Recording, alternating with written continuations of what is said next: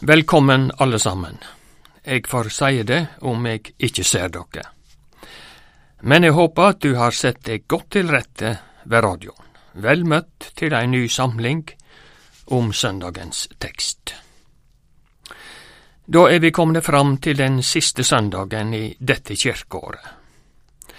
Det er som en nyttårskveld ei stund også til å sjå attover.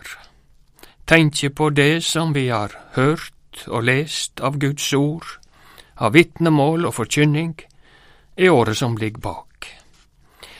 Det er sunt å reflektere litt. Hva har ordet fra Gud fått utrette i meg og ved meg, og hva har det gjort med trua mi i dette året? Og hva har de som lever rundt meg, merka av Gud og Jesus hos meg? Har trua mi vakse? Har ho modnast? Eller har den veikna? Og hva har det blitt med plassen min i det kristne arbeidet? Har eg sakka akterut, eller hva er det som er viktig for meg? Denne søndagen har fått to navn, både Domssøndag og Kristi kongedag. Tekstane denne søndagen minner oss om at tida her skal få sin avslutning. Trusbekjennelsen vår minner oss også om at Jesus, som sit ved høgre handa åt Gud den allmektige Fader, skal komme att derifra og døma levande og døde.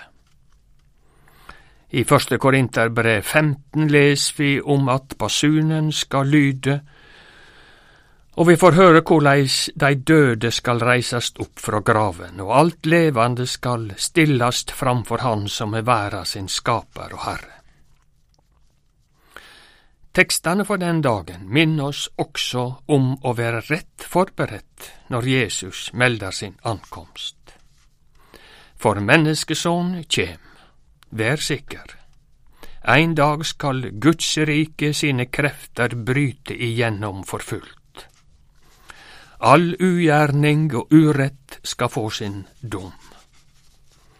Vi hører om det, og vi får glimt av det i åpenbaringsboka, når Guds rike seirer.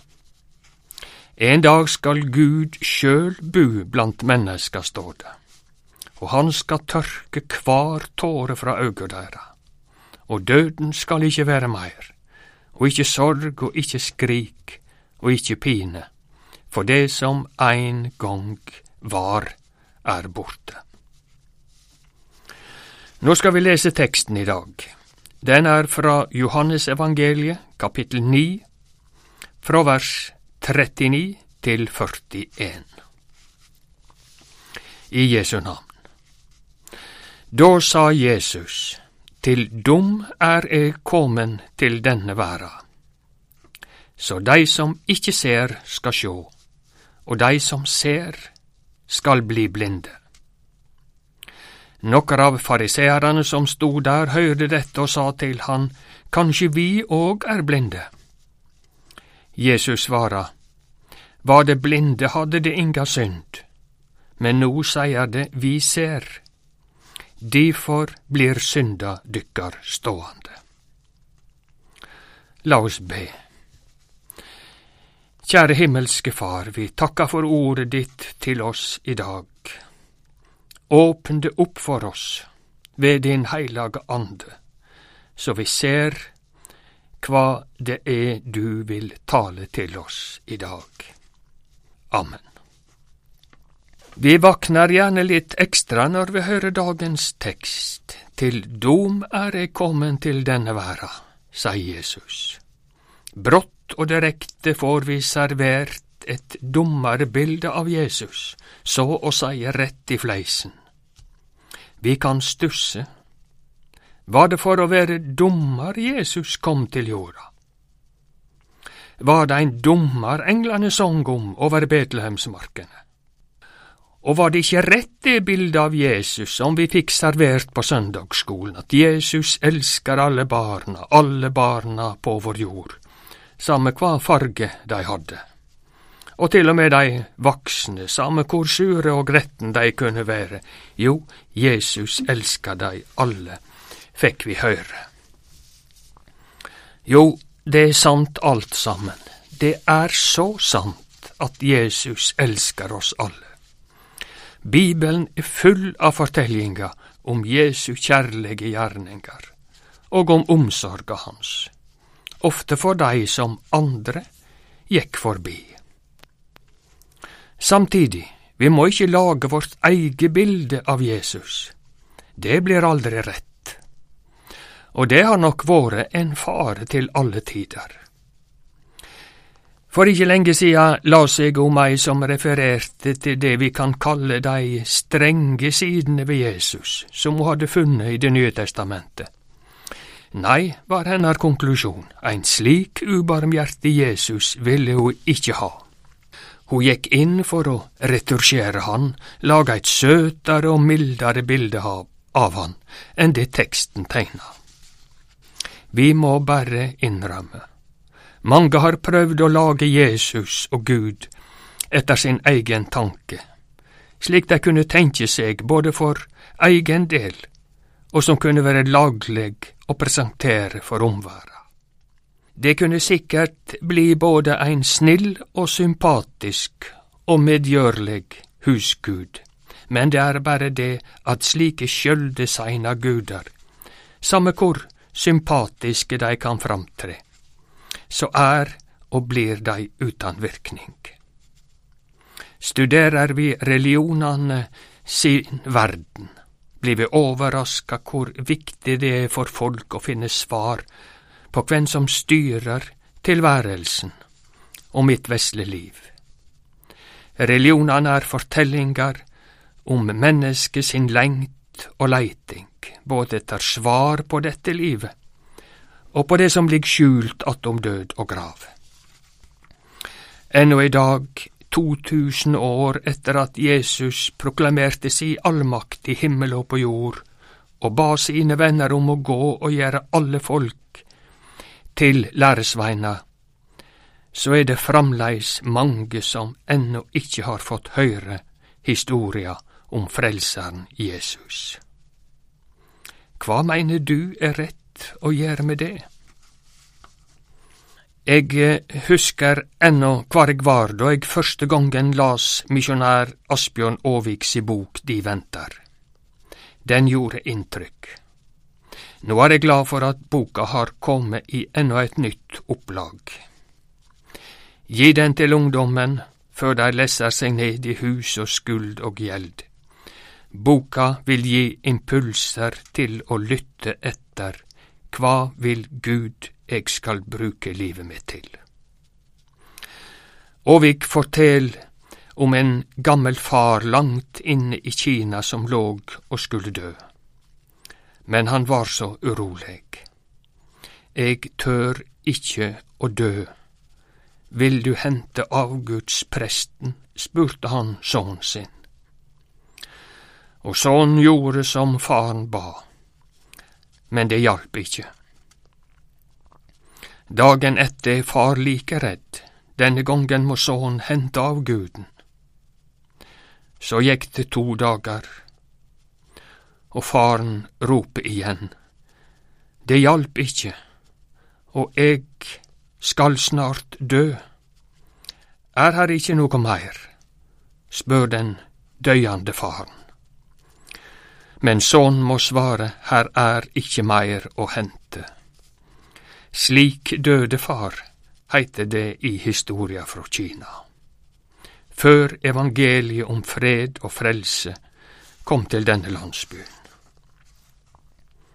Slik er det også i dag, mange leiter uten å finne, for de kjenner ikkje dette noe meir, som er Jesus.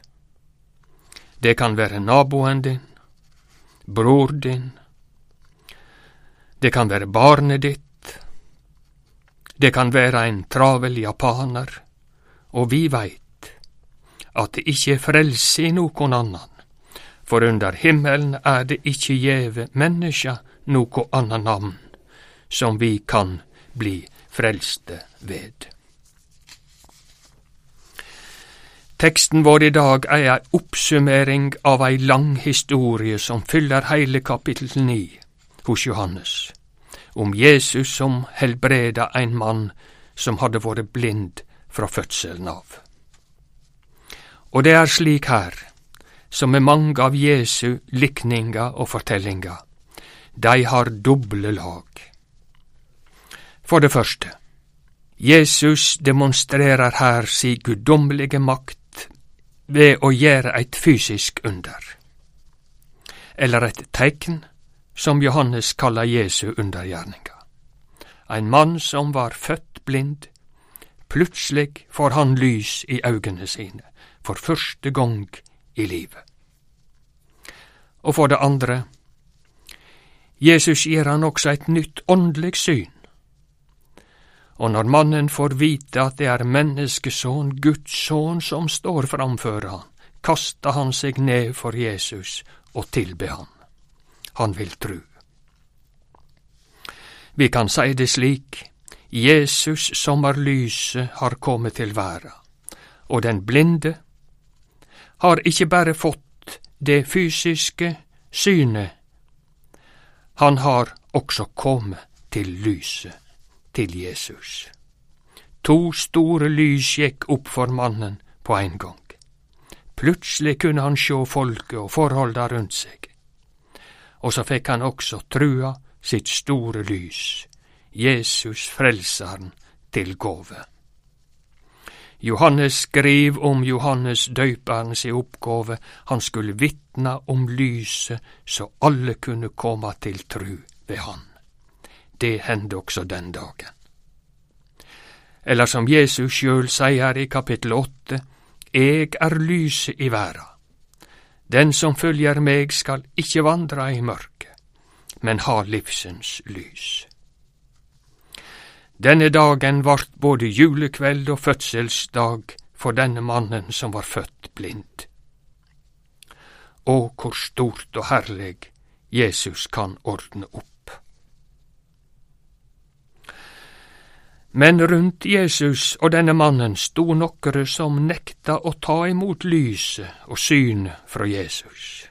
De var sjølsikre og leit meir på sitt eige syn, og hva de sjølve syntes å sjå og vite om Gud og Jesus. Derfor får dei desse domsorda av Jesus i vår tekst. Var det blinde, hadde det inga synd men nå sier det vi ser.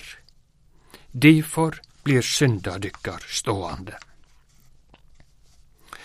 Det Jesus vil fortelle oss her, er altså at de blinde blir sjåande, de som Jesus får åpne øynene til. Og de sjåande blir blinde, altså de som ser så godt sjøl at de ikke vil åpne øynene sine for Jesu lys. Da Johannes skreiv evangeliet sitt, hadde gått omtrent to generasjoner siden dette hendte. Og han har sikkert opplevd det samme gang på gang, gjennom et langt misjonærliv. Der evangeliet om Jesus blir forkynt, blir det samtidig trekt ei usynlig grense, et skille mellom dei som trur og dei som ikkje trur eller for å si det med teksten, mellom dei blinde som blir sjåande, og dei som er så sjølvsikre på sitt eige syn at dei blir blinde. Det same skjer i dag. Historia gjentek seg. Der evangeliet blir forkynt, tek nokre imot Jesus. Andre viser evangeliet frå seg. Jesus vert stadig både til fall og oppreisning, til frelse for dei som tek imot, og til dom for dei som ikkje tek imot. I dag kjem evangeliet om Jesu frelse til deg gjennom radioen. Jo, da skin Guds lys inn i stova di, eller inn i bilen, eller samme kvar du er. Det vil vise deg Jesus som den einaste veien til frelse. Evangeliet, også i dag, det er et lys som vil opplyse hjertet vårt til å åpne seg og tru den glade budskapen om Jesus. Vårt eget syn rekker ikke til. Vi er alle født åndelig blinde. Det er bare Jesus og ordet Han som kan åpne øynene våre, slik at vi kan sjå hvem Jesus er og tru på Han. Slik fikk den blindfødte i samme kapittel som vi har lest i dag, oppleve at Jesus kom til han. Ikke bare med lys til øynene hans, men også med lys til sjela, til tru og tilbeding av Jesus som Herre og Frelser.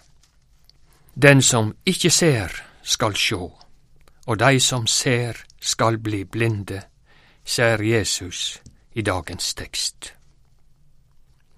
Situasjonen som nettopp oppstod da den blindfødte fikk synet, er en illustrasjon på nettopp dette.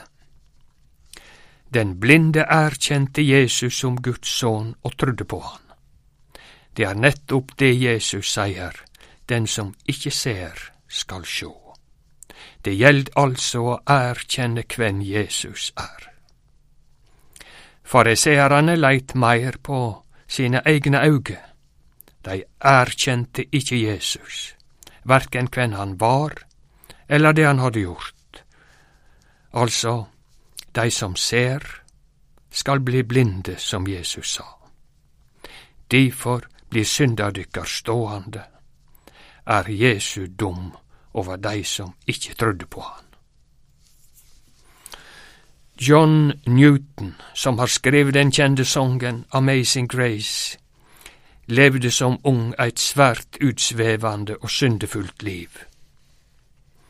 Han var mellom anna kaptein på et slaveskip, men Newton vart radikalt omvendt, og etter hvert vart han prest, til slutt i London og kjent over heile England.